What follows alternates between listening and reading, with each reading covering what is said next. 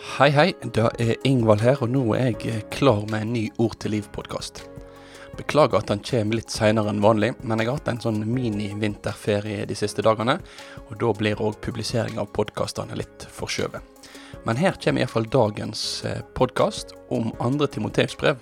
Og i dag så vil jeg prøve å si deg noe om at eh, styrken i kristenlivet, den ligger ikke i hva jeg gjør, men i hva jeg får. Så hvis du vil høre mer om det, så er det bare å følge med videre på dagens podkast.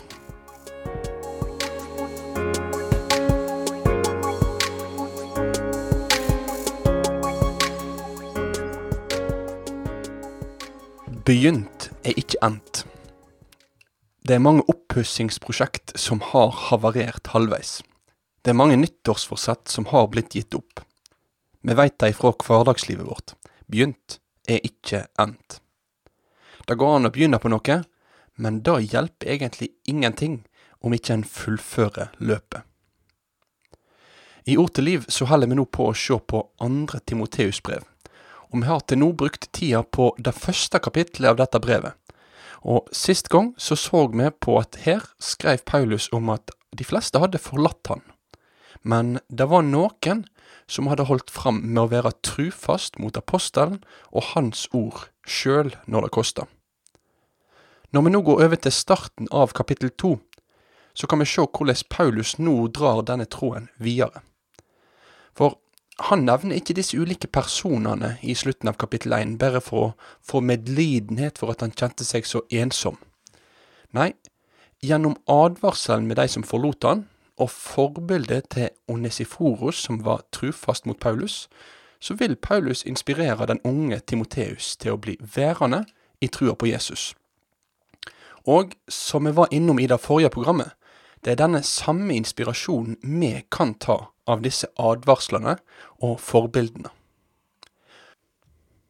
Apostelens ønske er at Timoteus, og du og jeg, skal forbli i trua på Jesus, han som Paulus hadde brukt store deler av livet sitt til å forkynne om. Men spørsmålet blir da, hvordan kan Timoteus bli bevart? Og hvordan kan vi bli bevart? Hvordan kan vi ha ei sterk tru i møte med livet og i møte med framtida? Vi skal i dette Ord til liv-programmet se på et avgjørende bibelvers i den sammenhengen, før vi mot slutten av programmet går videre og ser på Timoteus' i oppgave med å finne nye framtidige ledere for menigheten i Efesos.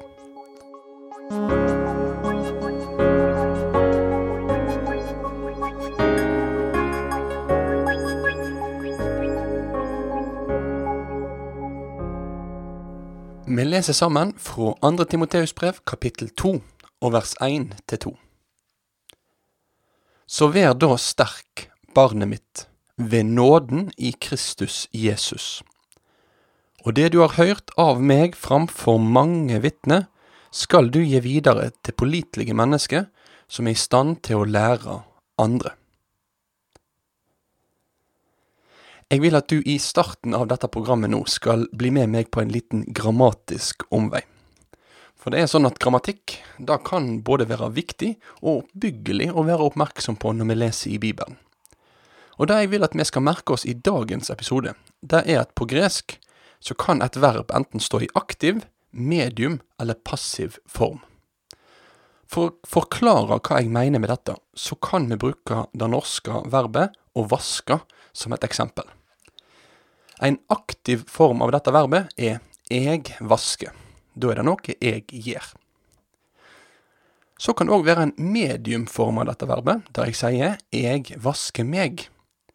Da er det noe jeg gjør med meg sjøl. Men jeg kan òg si at jeg blir vaska.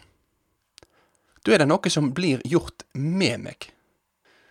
Dette er en passiv form av verbet da er det ikke først og fremst noe som blir gjort av meg, men noe som blir gjort med meg. I vår konkrete tekst i dag så er dette ganske viktig. For i den norske bibeloversettelsen som jeg bruker i dette programmet, så får vi ikke tydelig fram at den verbforma som her blir brukt om det å være sterk, sannsynligvis er ei passiv verbform. Poenget er ikke at jeg skal styrke meg, men at jeg skal bli styrka. Det er noe som skal skje med meg, der jeg er mottager. To andre plasser i løpet av brevene til Timoteus så kan vi lese om at Gud styrker Paulus. Det står i 2. Timoteus brev 4,17 og i 1. Timoteus brev 1,12. Da er det aktiv form begge plasser. Det er Gud som gjør noe. Og disse versene her, de understreker da at det er Gud som handler med å styrke mennesket. Han er den handlende skikkelsen. Vi, vi er mottakere av hans styrkende verk. Dette er betydningsfullt. For hvordan kan kristenlivet mitt styrkes? Spesielt når jeg kjenner meg svak og lite sterk. Hvordan kan jeg hente styrke til dagen som ligger framom? Svaret ligger ikke i mine handlinger, i min innsats for å styrke meg. Svaret ligger i at Gud skal få styrke meg med sin nåde. Jeg blir styrka ved at Gud gjev meg av sin nåde. At Hans tilgivelse strømmer inn i mitt liv. At budskapet om at jeg vert frelst ikke etter mine gjerninger, men etter Guds nåde som jeg får i Jesus Kristus, at dette budskapet får møte meg dag etter dag. Det er så lett for oss mennesker å tenke at min styrke, den ligger i det jeg gjør, eller i det jeg skal gjøre. At jeg tenker at det er til Guds bud, altså til loven, jeg ser for å finne styrke. At jeg tenker at styrke, det er et resultat av min innsats. At hvis jeg bare gjør sånn og sånn og sånn, ja, kanskje jeg da, kanskje jeg da kan bli en sterkere og, og bedre kristen. Men styrken finner du ikke i loven. Styrken er i evangeliet. Styrken kommer ikke av det jeg skal gjøre, men i det Jesus har gjort, og som jeg får være mottaker av. Derfor er mitt første svar til deg om, om du kjenner deg svak, eller om du er bekymra for framtida, om du vil holde ut. Bli styrkt av nåden i Jesus. Utsett deg sjøl for evangeliet for budskap om det Jesus har gjort for deg, det som er ferdig, og tro på det. Det er dette som kan hjelpe og styrke trøtte og sletne kristne til å bli bevart fram til det evige livet. Etter denne påminnelsen til Timoteus, så går Paulus nå videre til å si til Timoteus at han har en oppgave med å finne nye, framtidige ledere for menigheten i Efesos, og lære disse opp. Han skulle få et blikk etter hvem Gud hadde utrusta til tjenester i denne byen, og hvordan disse kunne veiledes til å bli gode ledere for forsamlinga. Vi, kommer seinere i dette brevet til å se noen flere viktige kriterier for de personene som Timoteus skulle utruste til tjeneste i Efesos.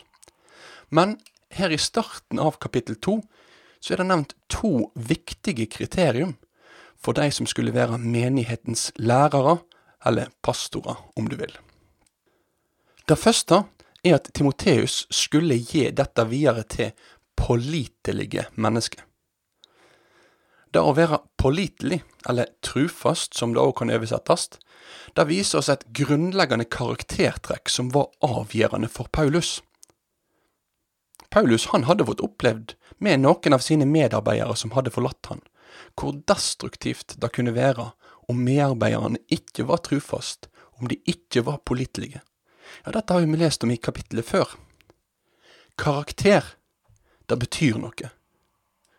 Det er ikke det samme hva karakter en medarbeider i Guds rike har. Som en forvalter av Guds ord, så må det første kjennetegnet være at dette er en person som er til å stole på.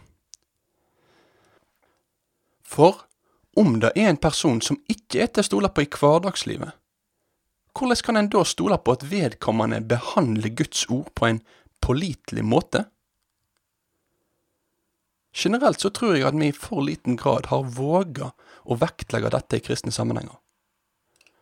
så kan det nok være sånn at vi av og til har sett oss blind på en karismatisk personlighet eller voldsomme talegave, og så glemmer vi det helt fundamentale. Er dette en person som er til å stole på, og som jeg kan være trygg på at vil være trufast mot menigheten og mot Guds ord?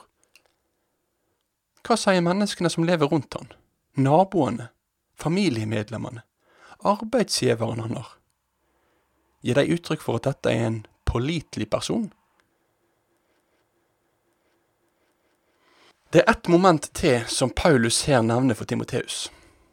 De som han skulle se etter og lære opp i den apostoliske læra, da skulle òg være personer som var i stand til å lære andre.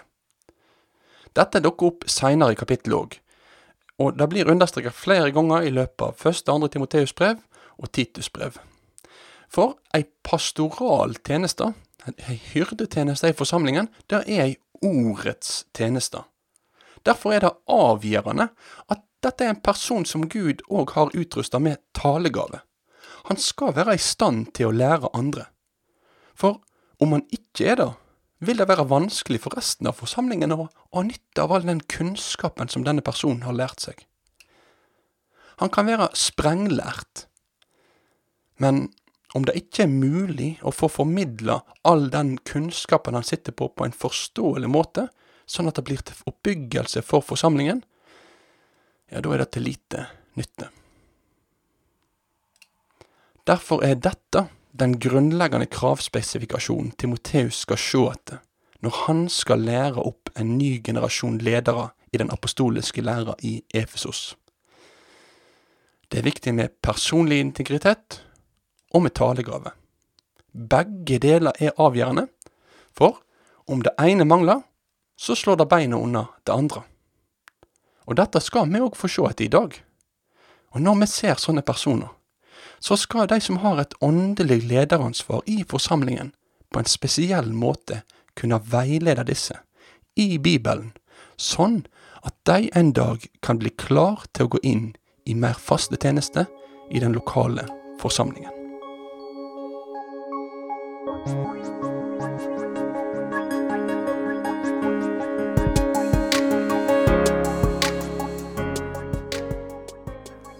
Da sier jeg tusen takk for at du valgte å få med deg denne podkasten her om andre Timoteus-brev. Jeg håper du har satt pris på den, og så kommer jeg tilbake seinere i uka med en ny podkast. Hvis du ikke gjør det allerede, så er du hjertelig velkommen til å abonnere på podkasten i Spotify, eh, Apple Podcasts eller der du pleier å lytte til podkaster. Ha en god dag, og så snakkes vi etter hvert.